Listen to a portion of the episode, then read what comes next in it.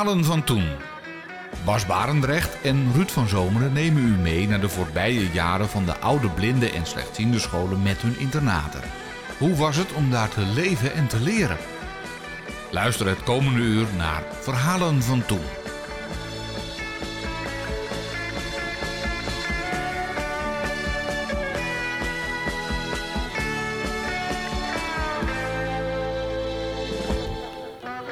Het verhaal van toen begint vandaag in 1966. Als de tienjarige Carla Schaat naar de slechtziende school van Blinde Instituut Bartimeus in Zeist moet. Ze hoeft gelukkig niet intern, want haar ouders wonen in Zeist. Ze kan elke dag naar huis. Op de fiets, dat wel. Ze zal zich waarschijnlijk niet bewust zijn geweest van de grote maatschappelijke onrust enige tientallen kilometers verderop in Amsterdam bouwvakkersoproer, bestorming van het telegraafgebouw, Provo, enzovoort, enzovoort. 1966. Het verhaal van Carla Schaat. Ik ben in die tijd naar Bartimeus gegaan doordat uh, ik was toen zes toen ik naar de boerengemeente meisjesschool ging. Daar bleek dat ik uh, iedere keer uit medelijden overgegaan ben, want ik zat vooraan voor, tegen het podium. En dan kon ik eigenlijk het schoolbord nog niet zien. En mijn moeder die zat er echt bovenop. Want ik zat ook thuis met mijn snuffert vlak voor de televisie. En daar kwam de, uh, mijn, broertjes en zusjes van gaat aan de kant. Ja, maar ik zie niks. En toen op een gegeven moment ben ik naar een andere school gegaan op de Laan Kattenbroek, achter onze straat. En die meester die zei ook van, Carla die ziet niet goed. En toen zijn mijn ouders toch met mij naar een andere oogarts gegaan. En uiteindelijk ben ik bij dokter Van Velen terechtgekomen van Bartimeus. En mijn ogen waren eigenlijk te goed voor een slechtziende school, maar te slecht voor een gewone school. Ik kon dat, dat tempo kon ik gewoon niet, niet bijbenen. En toen kwam ik uh, op, in de vijfde klas bij juffer Van Eck op de slechtziende school terecht. En daar, dat was een geweldige eye-opener. Want ik kreeg daar groot lettertaak, rekentaken en ik kon het zien.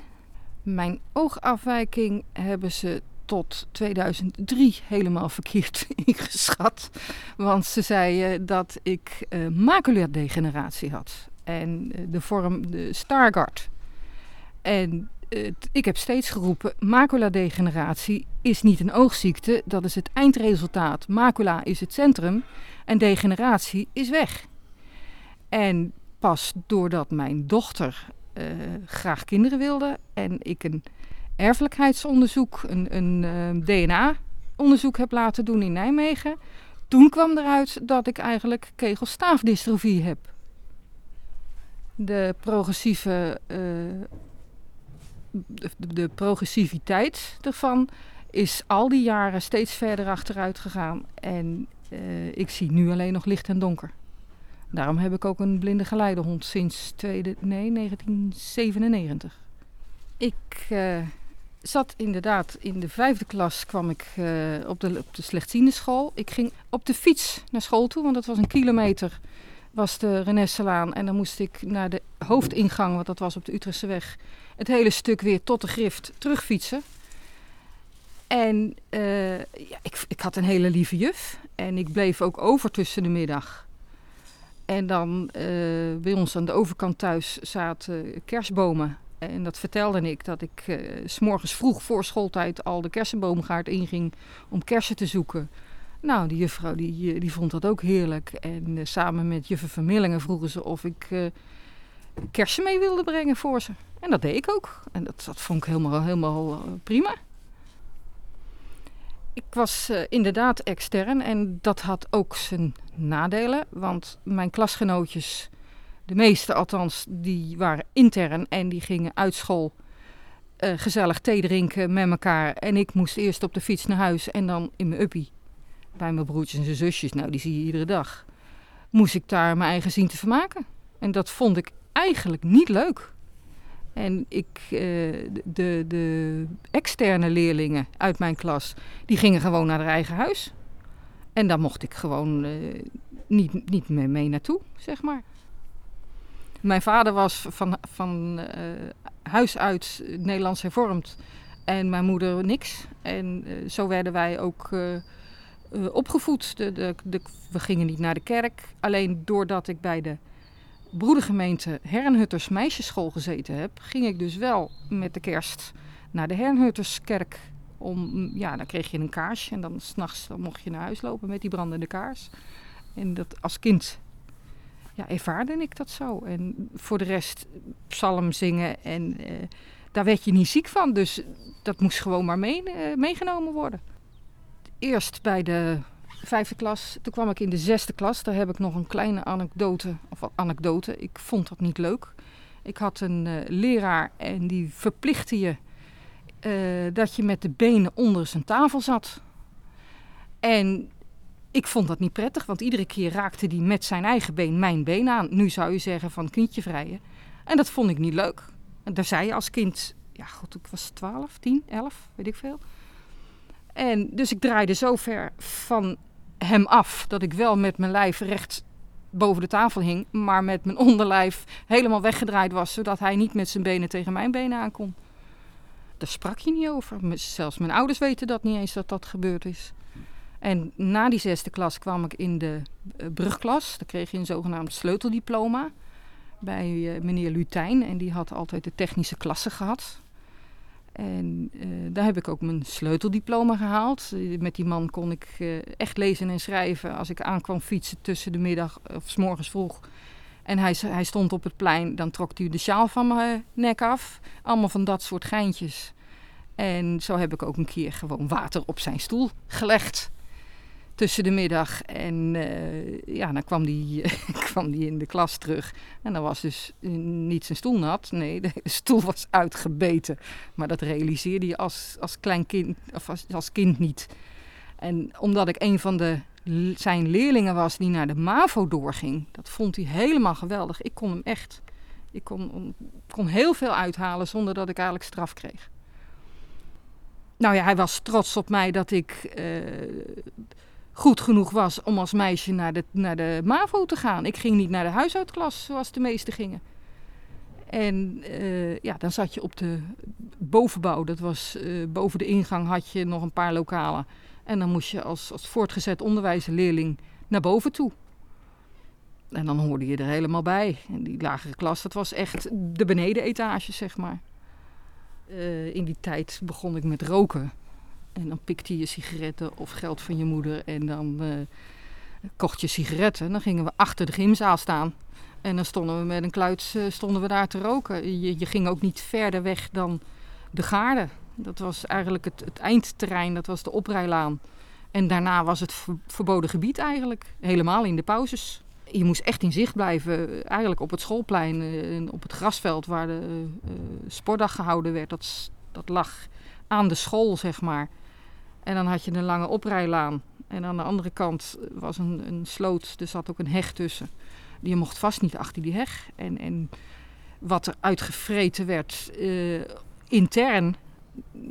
Nou ja, uh, een van de. Uh, dat, dat speelde toen heel erg. spelleiders of, of, in ieder geval een, een volwassene ziende begeleider. Die had een leerling zwanger gemaakt. Nou, dat was dat was een ramp. De jongens en meisjes waren ook heel streng gescheiden. Buiten dat de slechtziende school met de bruienschool streng gescheiden was. Ik had geen deel in dat internaatsleven, maar uh, ik, ik, kon in die tijd als meisje veel beter opschieten met jongens.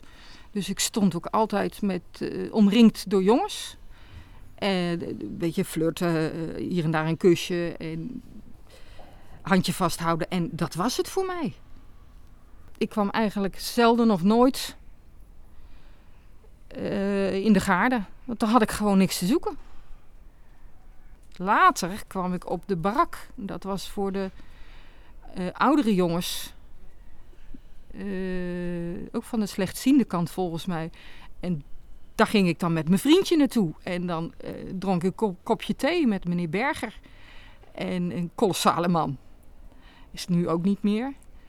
Maar dat kan ik me nog herinneren. En voor de rest kwam ik daar nooit.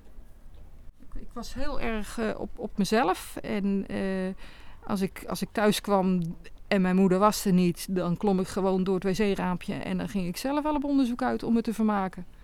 Rok maken, eh, patroon knippen van mijn zus de rok van papier en dan... eh, mijn de naaimachine stond altijd klaar en dan maakte ik zo, omdat ik dat altijd zag van mijn moeder, maakte ik zo'n rok en dan kwam ze thuis en dan was ik de zomer in aan het naaien.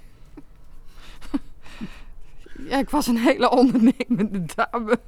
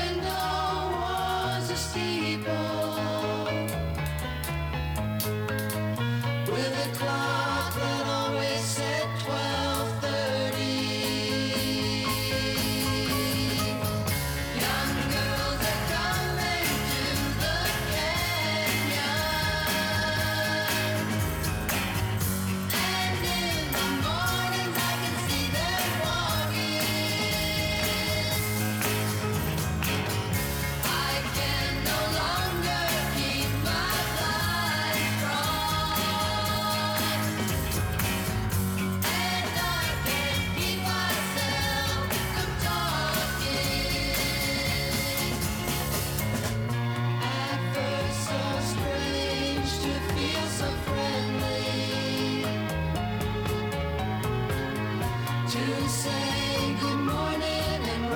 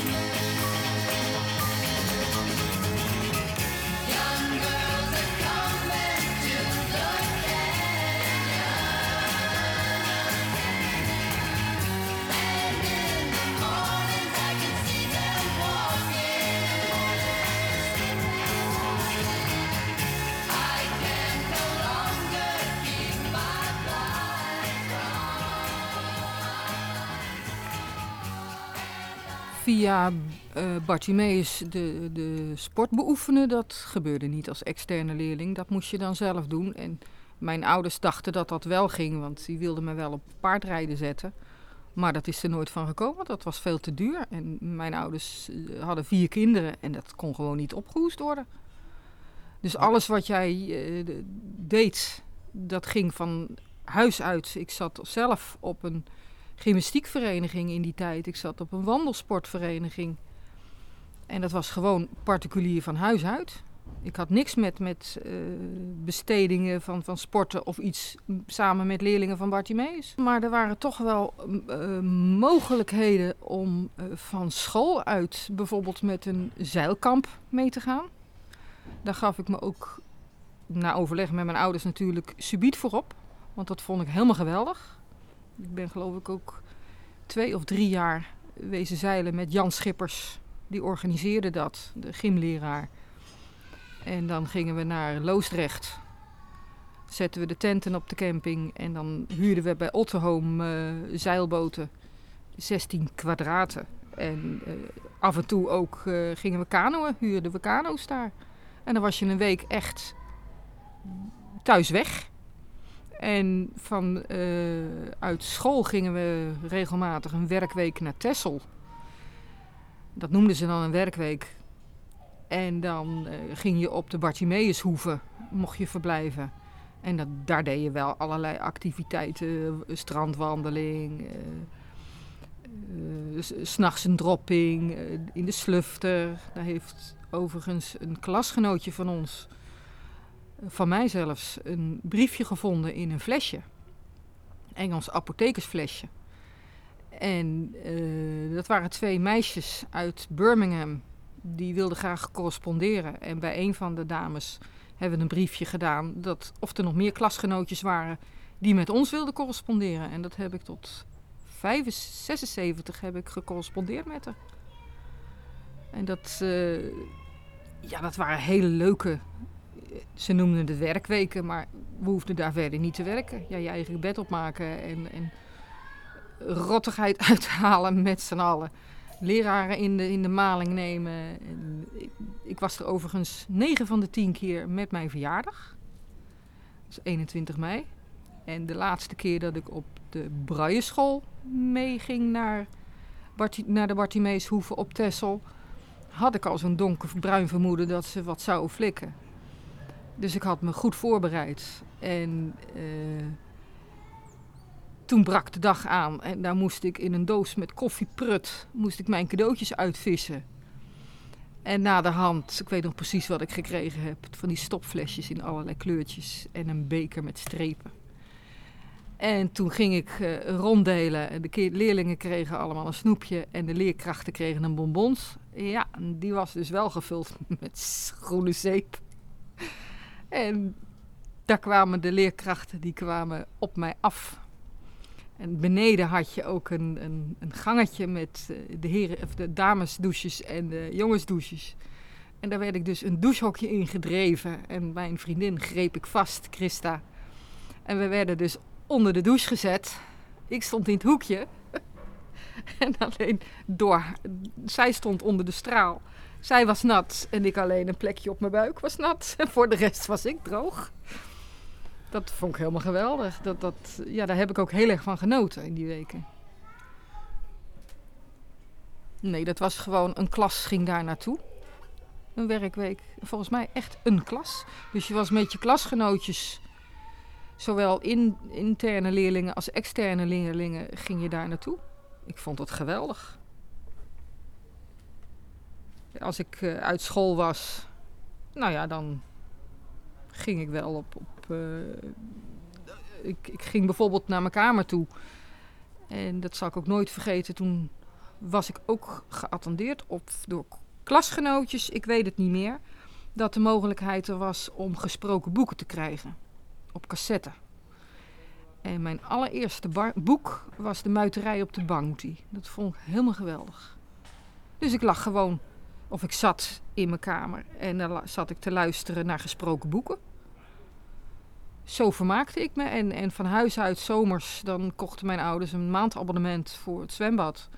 En dan om half zes kwam mijn vader thuis. Dan zaten we in de startblokken. Het eten werd laag opgezet. En om zeven uur kwamen we thuis van het zwembad. Waren wij dus allemaal al schoon. En dan konden we aan tafel en na het eten eh, naar je kamer slapen. Ik, ik miste vriendinnetjes. Ik, eh, ik wilde eigenlijk naar school. En ik, ja, je hebt wel. eh, ik ging ook naar de speeltuinvereniging. Dat was ook vlakbij bij ons. En daar hadden, er zat eh, handwerkclubjes, eh, toneelclubje, televisie kon je kijken daar. En daar, daar was ik eigenlijk altijd te vinden buiten schooltijd. Dat mocht ook. Ik, ik zat ook op handwerkclubje waar ik kon borduren. En in de speeltuin kon je spelen. En dan hadden ze een rolschaatsbaan waar je... S winters werd dat onder, lieten ze dat onderlopen met water en dan kon je schaatsen. En zo bracht ik volgens mij mijn, eh, mijn dagen na schooltijd en in de weekenden door. Later op de Brailleschool, daar ging ik ook nog met de fiets naartoe. Dan had, had je Janneke en die liep naar huis. En dan fietste ik gewoon langs. Ik heb zowel op de Brailleschool als op de slechtziende school, of eigenlijk andersom moet ik dat zeggen. Op de slechtziende school als op de Brailleschool ben ik gewoon op de fiets gekomen. Ik heb tot 96 zelfs gefietst. Toen zag ik een geparkeerde eh, auto staan in mijn ooghoek waar ik al voorbij was. En toen had ik zoiets van, oeh, dit wordt toch wel link. En toen ben ik gestopt. Ik fietste midden op de weg. Dat wist ik. Want dan kon, liep ik in ieder geval niet het risico dat ik tegen geparkeerde auto's aanknalde. En als er een auto achter me langs wilde, nou die hoorde ik dan wel aankomen. En dan eh, ging ik wel een stukje aan de kant. Eén keer toen heeft mijn dochter fietste naast me, gingen we naar het winkelcentrum. En toen klapt zij op een geparkeerde auto, want ze reed aan de binnenkant. En toen zei ik ook, wie is er hier nou slechtziend, jij of ik? Nee, ik ben nog nooit ergens tegenaan geknald. Voor iedereen die horen wil. Verhalen van toen. Radio 509. Dan luister je nog steeds naar het verhaal van Carla Schaat uit Zeist. Volgens mij waren blinde en slechtziende leerlingen strikt gescheiden op Bartimeus. Klopt dat? Ja, je kwam als slechtziende, mocht je gewoon niet daar op het schoolplein van de blinden komen. Daar, daar hoorde je gewoon niet. Dat, dat was echt taboe. En ik weet nog dat toen ik van de slechtziende school eh, sprake was dat ik naar de brailleschool moest, moest ik bij de juffrouw van de eerste klas moest ik de, de, de brailleboekjes eh, gaan lezen. A, A, A, B, B, B, L, L, L. En dan werd er bal. En zo heb ik braille leren lezen. Dat was de juffrouw uit MAVO 1. Juffrouw Ravelson, die was zelf ook slechtziend. En ik gaf haar de schuld, omdat zij mijn handschrift niet meer kon lezen. eh, dat ik naar de brailleschool moest. Dat zal in eh 70 geweest zijn. Schooljaar 70, 71. En dat heb ik er heel erg, als kind zijnde, heel erg kwalijk genomen. Ja, je wist niet beter. En ik, ik had ook niet het idee dat mijn ogen steeds slechter werden. Dat realiseer je pas veel later. Ja, je afzetten. Ik, ik, eh, ik werd nog baldadiger. Ik ging nog meer rotstreken uithalen. En ik had eh, bij, de, bij de juffrouw van de brailleschool had ik gewoon dus de, de echte maling aan. Als ze zei, jij moet tussen de middag op het plein blijven. En ik had het eerste uur vrij. Dan stapte ik met mijn klasgenootje Christa achter op mijn fiets. En dan gingen we naar het dorp. En als we dan terugkwamen, dan, kwam ze, dan had ze me natuurlijk gezien. En dan kwam ze in hoop, op hoge poten naar me toe van waar kom jij vandaan? Nou, van dorp. Ik heb je al zo vaak gezegd. Ja, en? Christa is ook mee geweest. Dat geldt ook voor haar. Nou ja, ik had gewoon mijn weerwoordje klaar. En ik ging gewoon mijn eigen gang. Ik heb gewoon mijn, eh, op de brailleschool mijn IVO-examens gedaan. En ik heb mijn telefonistendiploma gehaald, mijn typdiploma gehaald. En eh, totdat ze eh, op een gegeven moment, toen ik 18 was, naar Bartimeus hadden gebeld vanuit de provinciale waterstaat.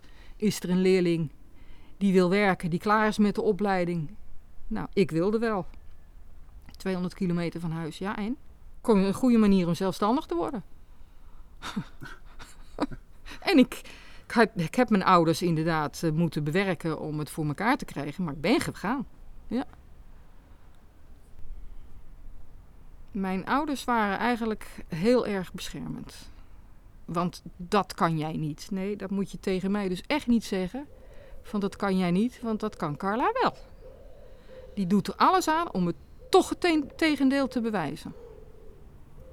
En ik denk dat dat ook de oorzaak is dat ik nu op mijn stokbaardje kom, de toertocht voor blinden en slechtzienden organiseer. Gewoon om, om zelf eh, toch je kunnen, te kunnen bewijzen en de puntjes op de i te zetten en nog weer meer puntjes op de i te zetten. Ik denk toch dat het een, een vorm van eh, bewijzen is. Ik, ik heb altijd willen werken. En ik heb ook de kans gekregen om te werken. Alleen eh, in die tijd niet lang genoeg. Ik heb tot 2003 eh, werk gehad. En toen werkte ik via de sociale werkvoorziening. En daar hebben ze me gewoon, net als andere lichamelijke gehandicapten, behandeld als verstandelijk gehandicapten. En ik mankeer nog steeds niks in die bovenkamer. Ik, ik, ik zoek mijn uiterste ook op. Of ik, of ik eh, dingen kan. En eh, of dat lukt. Want mijn werk, daar heb ik alle tegen, tegenwerking van gehad. Als dat je eigenlijk kan bedenken. En eh, mijn ogen zijn ook zo ver achteruit gegaan dat ik ook hartproblemen kreeg. En dus ik, ik, ik heb gewoon nu de moed opgegeven. Ik ben nu 57, maar ik heb wel het geluk gehad dat ik door een reunie eh, van Bartimeus te horen kreeg, links en rechts, iedereen had een AAW-uitkering, nu de Wajong. En ik had niks. En toen ben ik er weer voor de derde keer achteraan gegaan. En op mijn vijftigste heb ik het recht op Wajong gekregen. In die tijd dat, eh, dat ze contact opgenomen hadden met Bartimeus, met de Bruisschool, van eh, is er een leerling die klaar is met de opleiding, eh, kreeg ik een adres van contactpersonen in Groningen. Die konden mij aan een, via via wel aan een, aan een kamer helpen. En ik moest daar zelf naartoe. Ik heb dat allemaal zelf moeten doen. Ik heb nooit geen begeleiding gehad van Bartimeus. Nooit. Nergens in. Toen ik uit Groningen, daar ben ik eh, jammer genoeg weggepest door mijn collega's.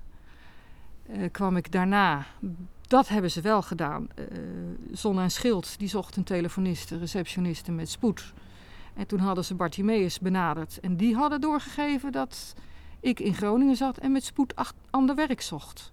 En daar heb ik gesolliciteerd en daar heb ik ook vijf jaar gewerkt. Tot ik zwanger was van mijn oudste.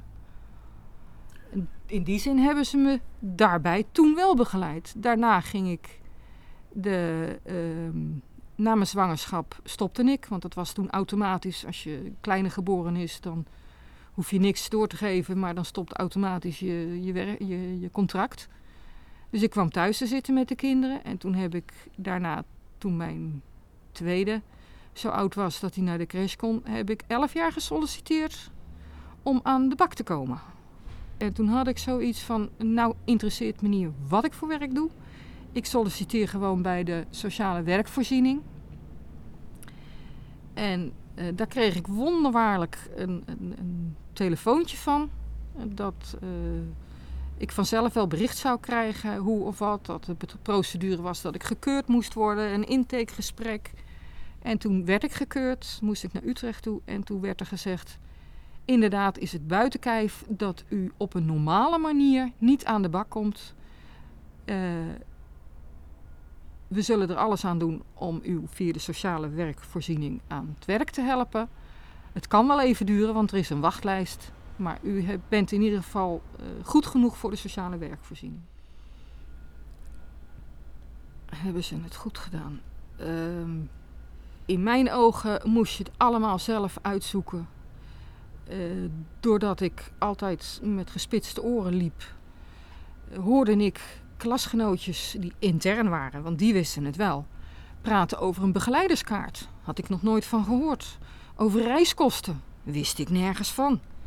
Laat staan over een ANW-uitkering. Dat is toen nooit, tenminste in mijn jeugd, nooit gezegd. Daar moest ik allemaal zelf achterkomen. Eh, op de Brailleschool kregen wij handwerkles. Had ik op een, volgens mij op een andere, gewone school niet gekregen. Ik heb eh, leren typen. Ik heb een telefonistendiploma behaald. Ik ging naar de technische school, één dag in de week. Ik kreeg één dag in de week kookles.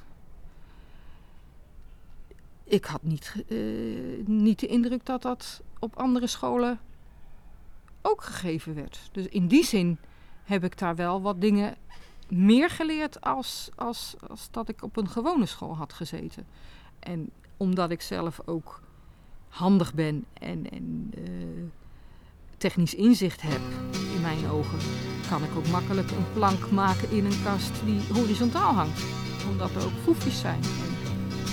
Dat vind ik ook leuk, dat soort dingen. Were getting kind of itchy just to leave the folk music behind. Saul and Denny working for a penny, trying to get a fish on the line. In a coffee house, Sebastian sat, and after every number they passed the hat. McQueen and McGuire's just a getting higher in LA, you know where that's at. And no one's getting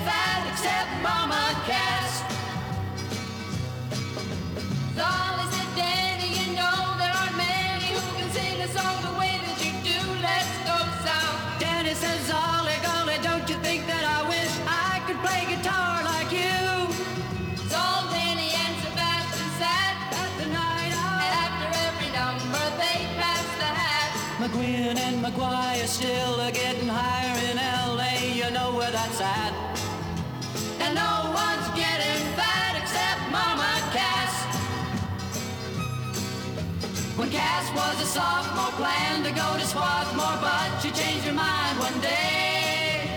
Standing on the turnpike, thumb out the hitchhike, take her to New York right away. When Danny met Cass, he gave a oh, love oh, bomb. Called John and Saul, and that was the month from McGuinn and McGuire couldn't get no higher, but that's what they were aiming at. And no one's getting fat except Mugwumps, high jumps, low slumps, big bumps. Don't you work as hard as you play. Make up, break up, everything is shake up. Yes, it had to be that way. Sebastian has all for a spoonful. Shelton and Danny getting very tuneful. McGuinn and McGuire just a catching fire in LA. You know where that's at. Everybody's getting Cass dip, dip, dip, dip, dip,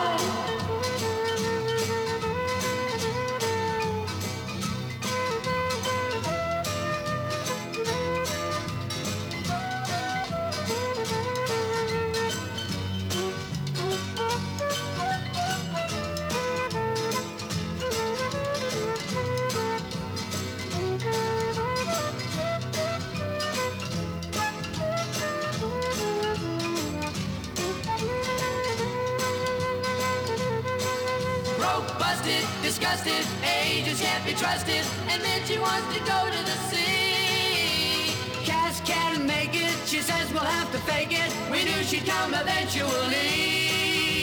Greasing on American Express cars. But keeping out the heat's hard. These good vibrations in our imaginations can't go on indefinitely. And California dreaming is becoming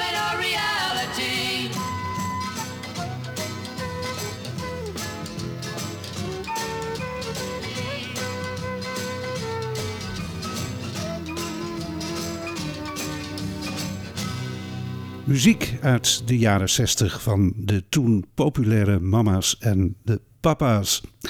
Je luistert nog steeds naar Radio 509 en we gaan verder met het verhaal van toen. Aan het woord Carla Schaat. In mijn tijd had je de slechtziende school en de bruienschool. En eigenlijk mankeerde je verder niks.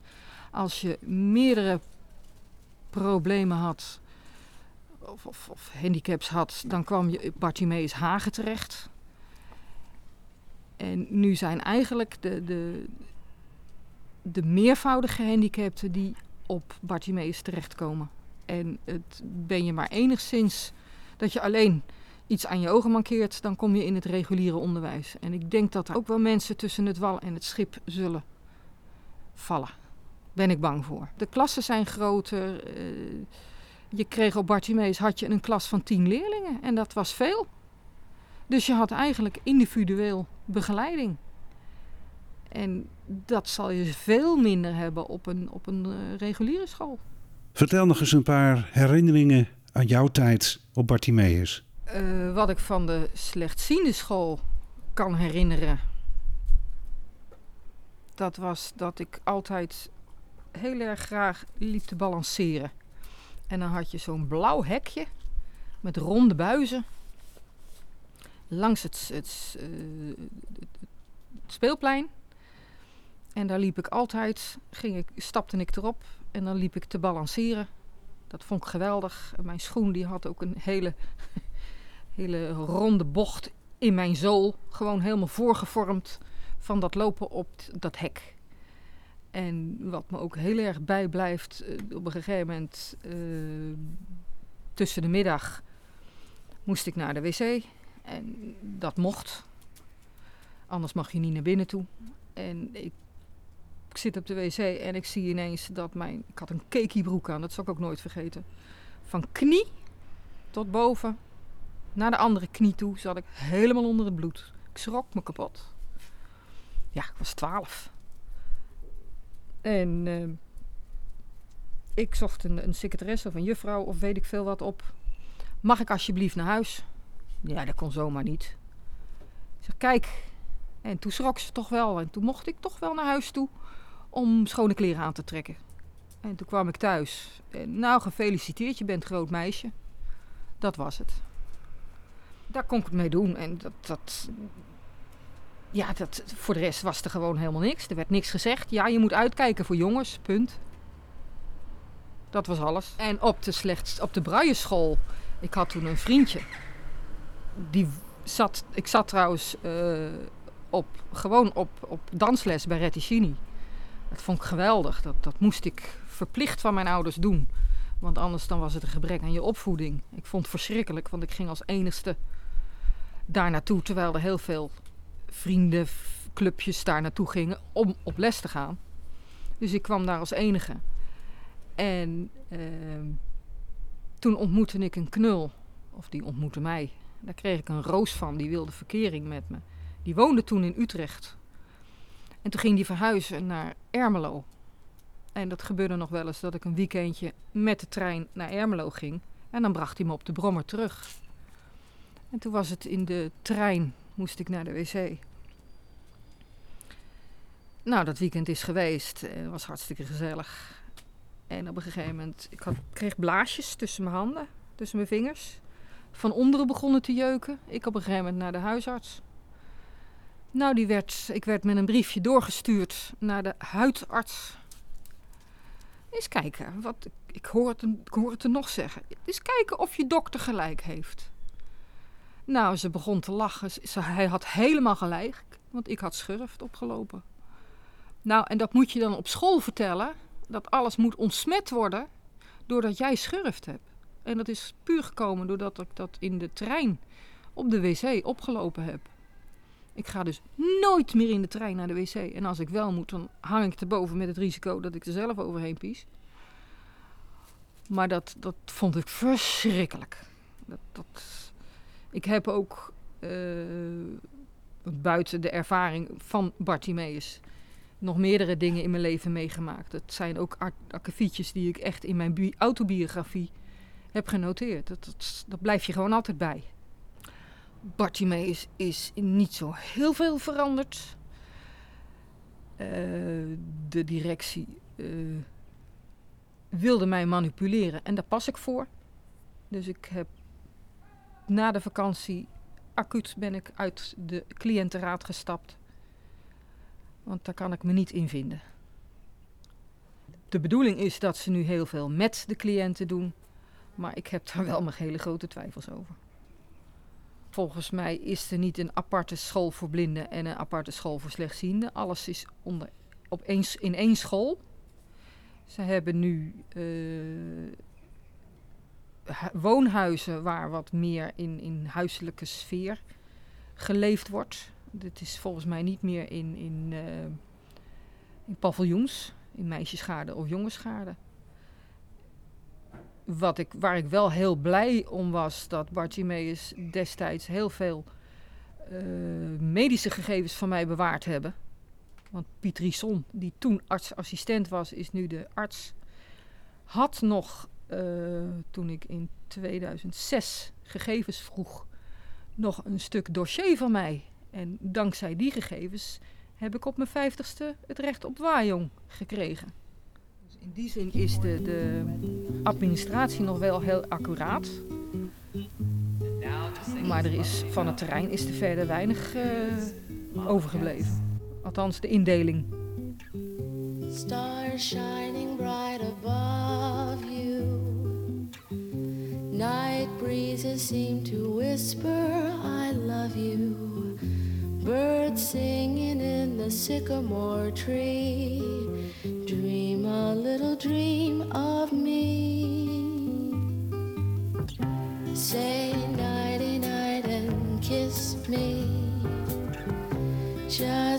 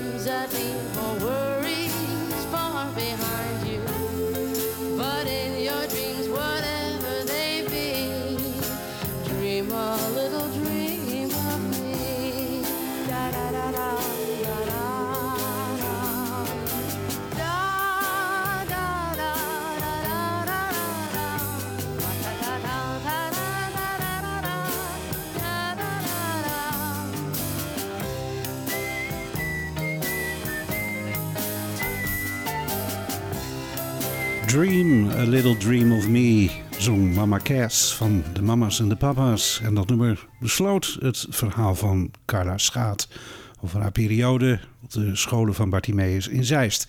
Met dank natuurlijk, als altijd, voor de openhartige en prettige wijze waarop ze haar verhaal verteld heeft. We hebben nog wat tijd over en die vullen we dus ook maar met muziek van de mama's en de papa's.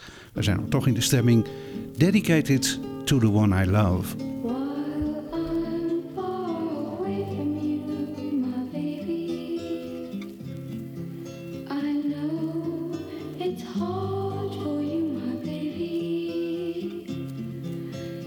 Oh.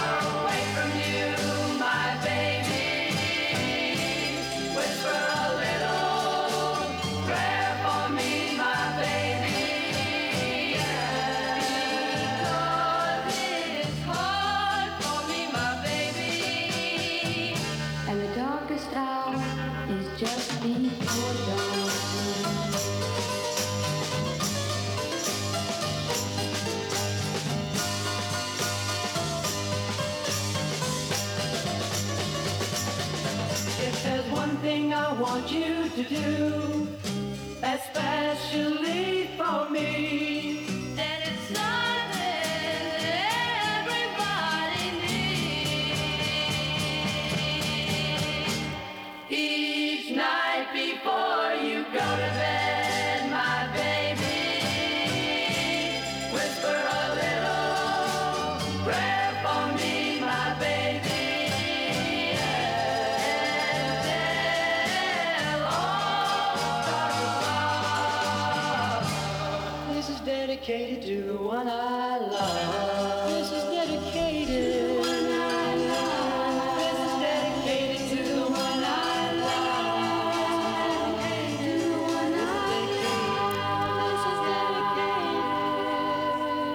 Ja, Dedicated to the One I Love. Een van de uh, misschien wat minder grote hits van de mama's en de papa's. Maar ze hebben er heel wat gescoord in de tweede helft van de jaren 60. Zo vanaf uh, 1966 tot uh, 768. En ja, toen viel de zaak uit elkaar en ging ieder zijn weegs. Um, een paar leden hebben nog wat uh, solowerk afgeleverd. Mama Cass Elliot bijvoorbeeld. En Sean Phillips ook. Maar er leeft eigenlijk niemand meer van, van deze groep. Het zijn echt postume geluiden die je nu hoort. Bijvoorbeeld ook dit. Words of Love.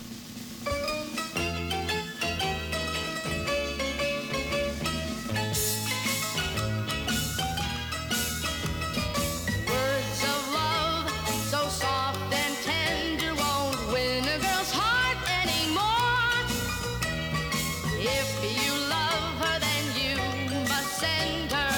somewhere where she's never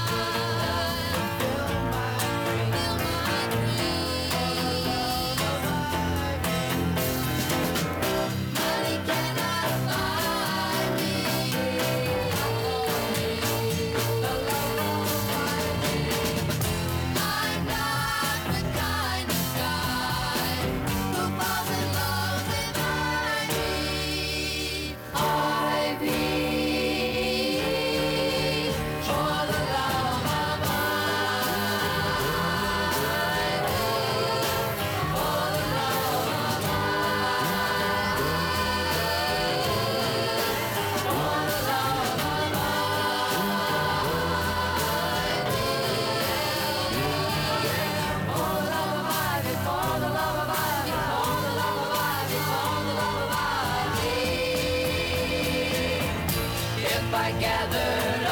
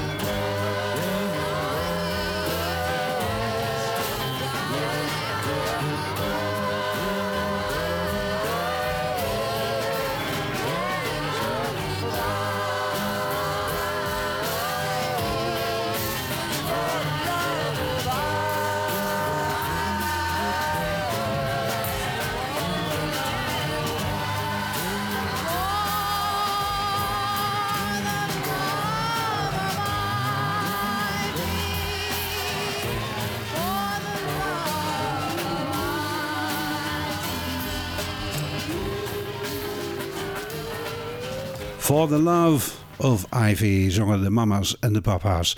En we besluiten deze aflevering van Verhalen van Toen met Go Where You Wanna Go.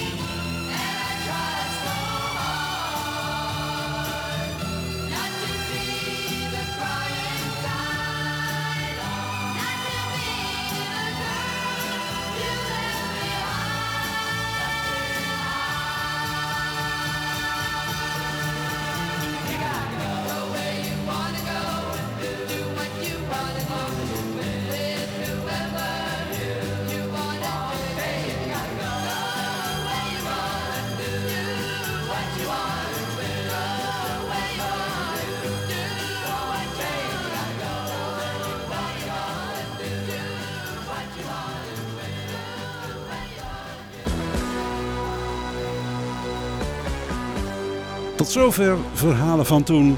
Het boek gaat dicht. Tot volgende week. Dag. Verhalen van Toen is een programma van Bas Barendrecht, Ruud van Zomeren en Emiel Cornelissen. Meer informatie is te vinden op www.radio509.nl